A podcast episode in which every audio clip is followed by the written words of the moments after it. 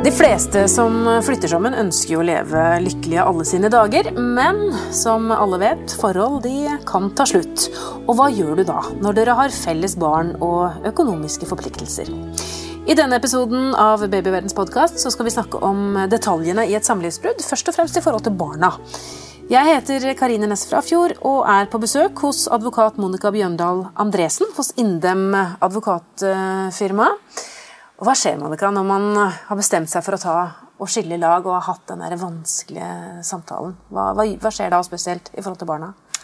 Nei, altså Et samlivsbrudd det fører, fører, jo til både følelsesmessige og praktiske utfordringer. Og Det er ikke alltid man har lyst til å ta tak i disse praktiske utfordringene, men det må man jo. Det er jo sånn at Man skal jo fordele eiendeler. Eh, enten så må jo én flytte, eller i verste fall begge to, hvis ingen har råd til å kjøpe ut den andre. Eh, økonomien blir jo dårligere. Man sitter jo da og må betale dobbelt opp eh, når eh, fellesskapet ryker. Og så må man jo også da avklare disse samværsordningene med barna. Ja. Så det er jo en del man skal ta stilling til. Er det noe det offentlige på en måte kommer inn med? Av altså, hjelp? Det er jo sånn at Hvis man har barn under 16 år, så må man jo til obligatorisk mekling. og Det foregår jo da som oftest på familievernkontoret. Alle må være med det obligatoriske? Alle må være med der, ja. Så da er det én time på familievernkontoret hvor man da sitter med en mekler som vil da prøve å hjelpe eh, dette foreldreparet med å bli enig om hvordan man skal gjøre det videre i forhold til barna. En time høres ikke mye ut. Nei, Man kan jo også da møte opp der flere ganger ja. dersom det er ønskelig. Ja. Det uh, har man da rett til. Så og Noen har jo gjort seg tanker på forhånd. Noen har jo en enighet. Det kommer jo an på uh, om man skal flytte langt fra hverandre.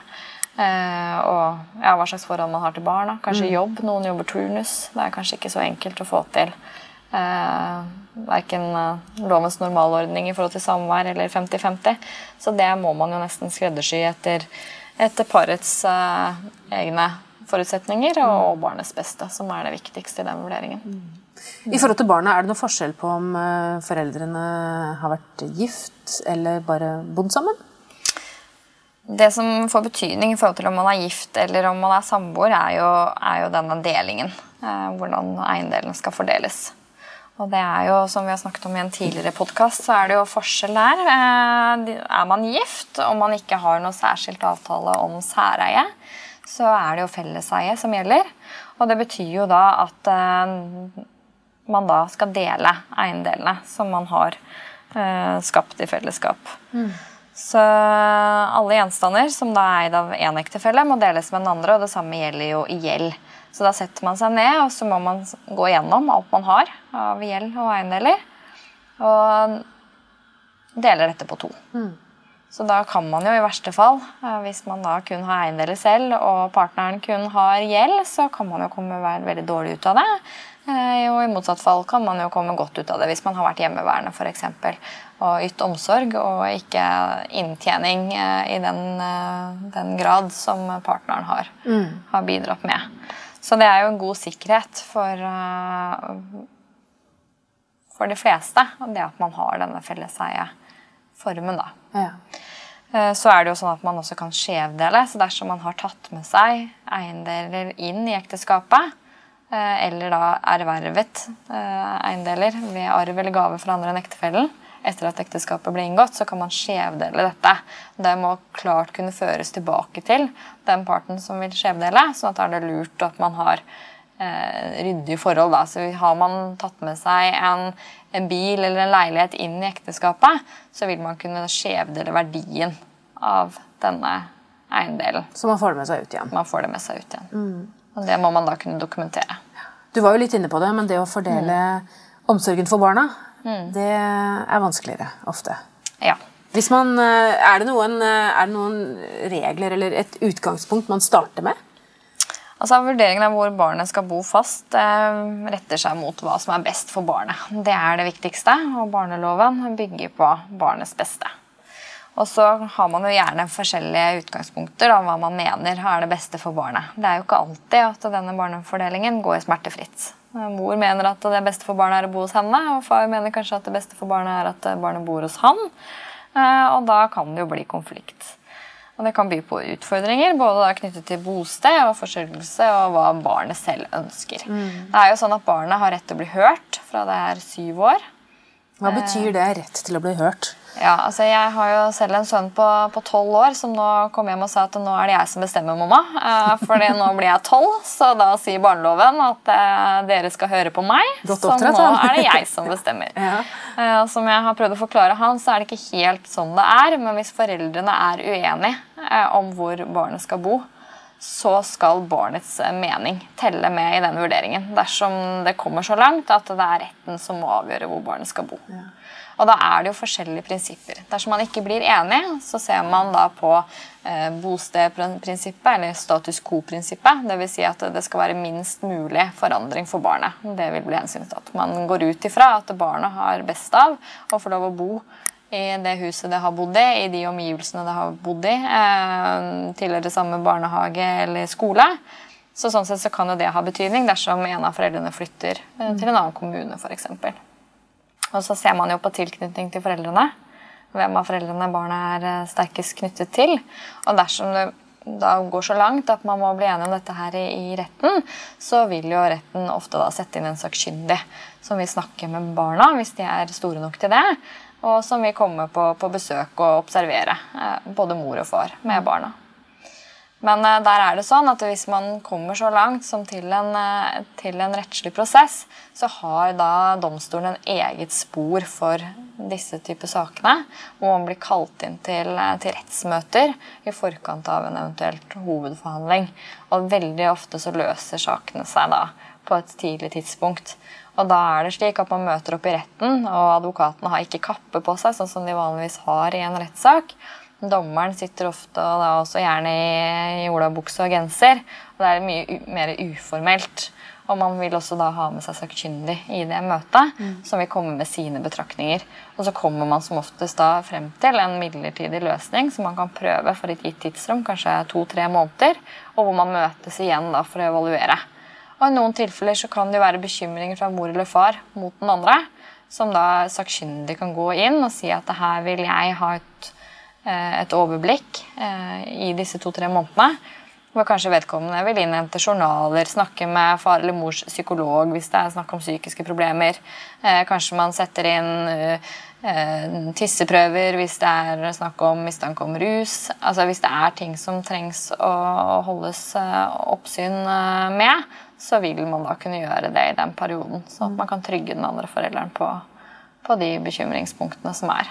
Så det er et system som, som, et system. I, som ivaretar. Men det beste ja. er jo selvfølgelig hvis man klarer å finne løsninger ja. selv før man kommer har, så langt. Da har man jo på en måte alternativene. at Enten så har kanskje foreldrene en klar formening om hvordan dette må bli mm. selv før man møter opp til mekling, og at man uh, der blir enige om en avtale. Uh, man har også den varianten at man kommer dit uten at man har gjort seg så mye tanker, og man kanskje da blir enig ved hjelp av mekler. Eh, og for det tilfellet at man da står helt fast, så, så kan domstolene da komme, komme, inn og hjelpe til. Men hva med de aller minste barna? Hvis man går fra hverandre når barna bare er måneder gamle, så sier det seg kanskje selv at eh, hvis de ammes, f.eks., at barna blir boende hos mor? Ja. Ja. det byr jo på utfordringer. Og igjen så er det jo barnets beste som, som teller. Mm. Eh, og der er det jo veldig mange som mener at eh, at det må hensynstas. Selvfølgelig. Og som du sier, så skal jo et lite barn ammes. Og man har jo ammefri for mor. Det er liksom en oppgave som ikke kan gjøres av andre enn mor. Så det teller jo inn. Og der har eh, Foreningen for sakkyndige psykologer de har nå kommet da med en eh, samværsanbefaling for små barn. Og de mener da at barn eh, under tre år ikke skal ha to hjem men da eh, må bo fast hos mor. Mm. Det er deres anbefaling. Den, den, veiledningen ligger ute tilgjengelig på, på, internett. Hvor det står mer detaljert om dette. Mm. Vi skal snakke mer om det praktiske rundt et eh, samlivsbrudd i forhold til bidrag og barnetrygd og utgifter. Eh, men vi tar en liten pause først. Ja, vi snakker altså om hva som skjer ved et samlivsbrudd, og da først og fremst i, i forhold til barna. Jeg er hos advokat Monica Bjøndal Andresen hos Indem advokatfirma.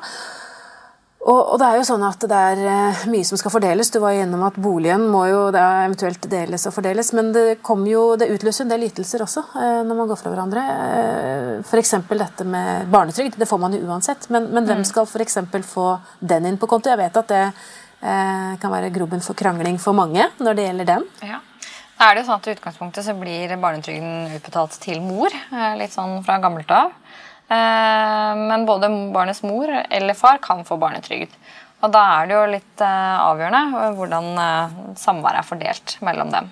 Og Hvis foreldrene har inngått en avtale om delt bosted for barnet, så deles barnetrygden da likt mellom dem. Hva med mm. bidrag, f.eks.? Barnebidrag, var det vanligere før vi hadde denne 50-50? delingen? Ja, det var det nok. Eh, for hvis man da har altså Lovens normalordning eh, sier jo at eh, en av foreldrene skal ha fast bosted for barnet, mens den andre forelderen kan ha samvær med barnet.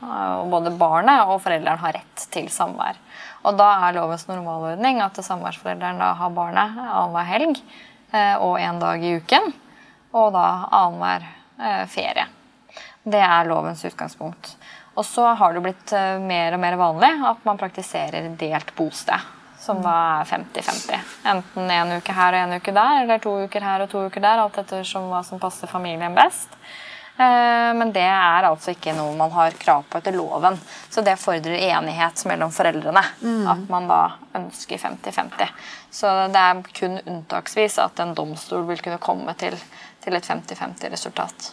Men hvis man har 50-50, eh, faller da bidraget vekk? I, da... ja, altså I utgangspunktet så, så, vil det jo ikke være sånn at man har noe barnebidrag eh, når man har 50-50. Det er jo fordi at det her deles jo eh, utgiftene for så vidt likt mellom, mellom partene. Men mm. allikevel så kan man ha krav på, på barnebidrag dersom det er stor forskjell på inntekten mellom foreldrene. Så da kan man eh, sjekke ut dette her ved å benytte seg av Nav sin bidragskalkulator. Mm -hmm. Og si at den ene parten eh, tjener 800 000 og den andre 300 000. Så kan man allikevel bli bidragspliktig selv om man har 50-50. Mm. Hvordan er det med innkjøp? Eh, jeg har jo hørt historier hvor, eh, hvor, man krangler over sykler og ski og parkdresser eh, som er hos mamma, men som ikke får lov å være med over til pappa, så, eller mm. motsatt. Hvordan er det med, med, innkjøp av litt sånn større ting til barn når man ikke bor sammen? Ja, altså Nå er jo ikke dette lovregulert ned til detalj, så der må man vel bruke litt sånn sunn fornuft og, og, barnets beste. Jeg også har vært borti saker hvor man sier at nei, det skiutstyret får ikke barna, for det er, det er det jeg som har kjøpt. Men her må man jo tenke på barnets beste, tenker jeg, som forelder. Og, og det har jo lite nytte for, for, deg som mor eller far å ha dette skiutstyret stående i garasjen. Mm. Uh, bare fordi at man skal pålegge eksen å gå til innkjøp av nytt. Så her må man jo tenke på barna. Eh, det vanligste er vel at man, at man eh, sender med eh, kanskje store ting. At man ikke har dobbelt opp av det, men at man kanskje har dobbelt opp av klær. Har man 50-50 f.eks., så kan det jo bli strevsomt hvis man skal sende det frem og tilbake. Det, det aller mest nødvendigste. Mm. Men kanskje da på slalåmski og sykler at man flytter dette frem og tilbake. Mm. Bruke litt sunn fornuft der, rett og slett. Litt sunn fornuft. Ja. Mm. Så, hvordan er det med flytting? Altså, hvis den ene forelderen bestemmer seg for å flytte på den andre kanten av landet, eller enda være ut av landet, mm. kan man gjøre det? Ja, altså Der er det forskjell på, på ut av landet og, og innafor landegrensene. Og der er jo rettslig utgangspunktet er jo barnelovens paragraf 37, hvor det fremgår da at dersom foreldrene har felles foreldreansvar, men hvor barnet da bor fast sammen med bare den ene, så kan ikke den andre da uten videre motsette seg at den som barnet bor sammen med, eh, tar avgjørelsen om hvor barnet skal bo hen i landet. Så mor kan ta med seg barnet fra Bergen ja, til Oslo? Det kan hun, da, hvis, eh, hvis barnet bor eh, fast hos henne. Mm. Og da er det sånn at man skal varsle, men det eneste som da kreves, er at man varsler bo, altså at bostedforelderen varsler den andre med en frist på seks uker. Og dersom eh, man da ikke blir enig, dersom man har delt, eh, delt eh, bosted, at man har 50-50, så må man jo da eventuelt avklare Selvfølgelig Hvis den ene forelderen vil flytte fra, fra Sørlandet til Oslo, så, så, skjønner jo alle at det ikke fungerer med en 50-50-løsning. Mm. Og da må man jo eventuelt få, få rettens hjelp da, til å avgjøre hvor barnet skal bo, dersom man ikke klarer å bli enig om det i fellesskap. Mm. Og igjen, barnets beste bør kanskje stå i fokus? Det er barnets beste som skal stå i fokus. ja. Det er det. Hvordan er det med ferier, da? Altså, og jul og liksom høy, høytider og helligdager? Er det annenhver som gjelder fast, eller er det Ja, da er det jo sånn i henhold til barneloven. Dersom man har da, fast bosted hos en forelder og samværsrett for den andre forelderen, så gir da loven rett til feriesamvær. Da tre uker i sommerferien og annenhver høst, jule, vinter og påskeferie. Som fremgår av barneloven. Og da bør man jo da være tidlig ute, sånn at den andre kan rekke eh, å bestille sommerferie før det blir altfor eh, for dyrt, f.eks. Mm. Eller det er greit å ha litt planlegging. Mm. Og så er jo det vanligste da at man praktiserer at man eh, bestemmer eh, disse tre ukene i sommerferien hver seg annethvert år. Og så at man praktiserer at den som hadde juleferien i, eller jula i fjor, eh, tar nyttår i år. Mm. At man har rullering på det. Sånn at det blir fordelt jevnt. Hva er din erfaring? Er det, er det mye bråk eh, når det gjelder barnefordeling? Eh, eller klarer vi å sette barnets beste i fokus og finne ut av det, stort sett? Jeg syns mange er flinke til å sette barna i fokus og finne gode løsninger. Noen ganger så trenger man hjelp, enten på familievernkontoret eller advokat. Eh, men som regel så løser det seg jo da. Eh, men jeg har jo vært borti saker hvor, eh, hvor, far eller mor setter seg helt på bakbeina og nekter å, få, å skrive under på pass til barnet, f.eks. For, eksempel, for at sønn eller datter skal kunne dra på ferie. Mm. Og hvor man da er nødt til å, å begjære midlertidig avgjørelse fra retten for å kunne ta med seg barna på ferie. Mm. Og det bør jo være unødvendig. Og det skaper jo bare et unødvendig stress for, for barna. Men uh, i noen tilfeller så klarer man ikke å bli enig, og da, da må, man, må, man, ha hjelp. Mm. Og den finnes heldigvis, da. Den finnes. Tusen takk for uh, gode råd, advokat Monica Bjøndal Andresen hos uh, Indem advokatfirma. Hvis du lurer på mer om dette temaet, finner du mange artikler på babyverden.no og diskusjoner med andre i Babyverdens forum. Hvis du ikke allerede har lastet ned appen vår, Gravid og barn, så anbefaler jeg deg å gjøre det med en gang, så kan du følge utviklingen til barnet ditt dag for dag og uke for uke. Siden du er opptatt av graviditet og barn, kan det også være lurt å abonnere på Babyverdens podkast, så får du nye episoder automatisk hver uke. Det er også vi som lager podkastserien Gravid uke for uke. Den bør du også få med deg hvis du har barn i magen. Har du kommentarer eller et tema du ønsker at vi skal belyse, så kan du sende en e-post til podkast at babyverden.no. Men husk at vi som lager denne podkasten er journalister og ikke helsepersonell. Så hvis du har medisinske spørsmål, må du ta kontakt med jordmor eller fastlegen din. Ha det godt til vi høres igjen.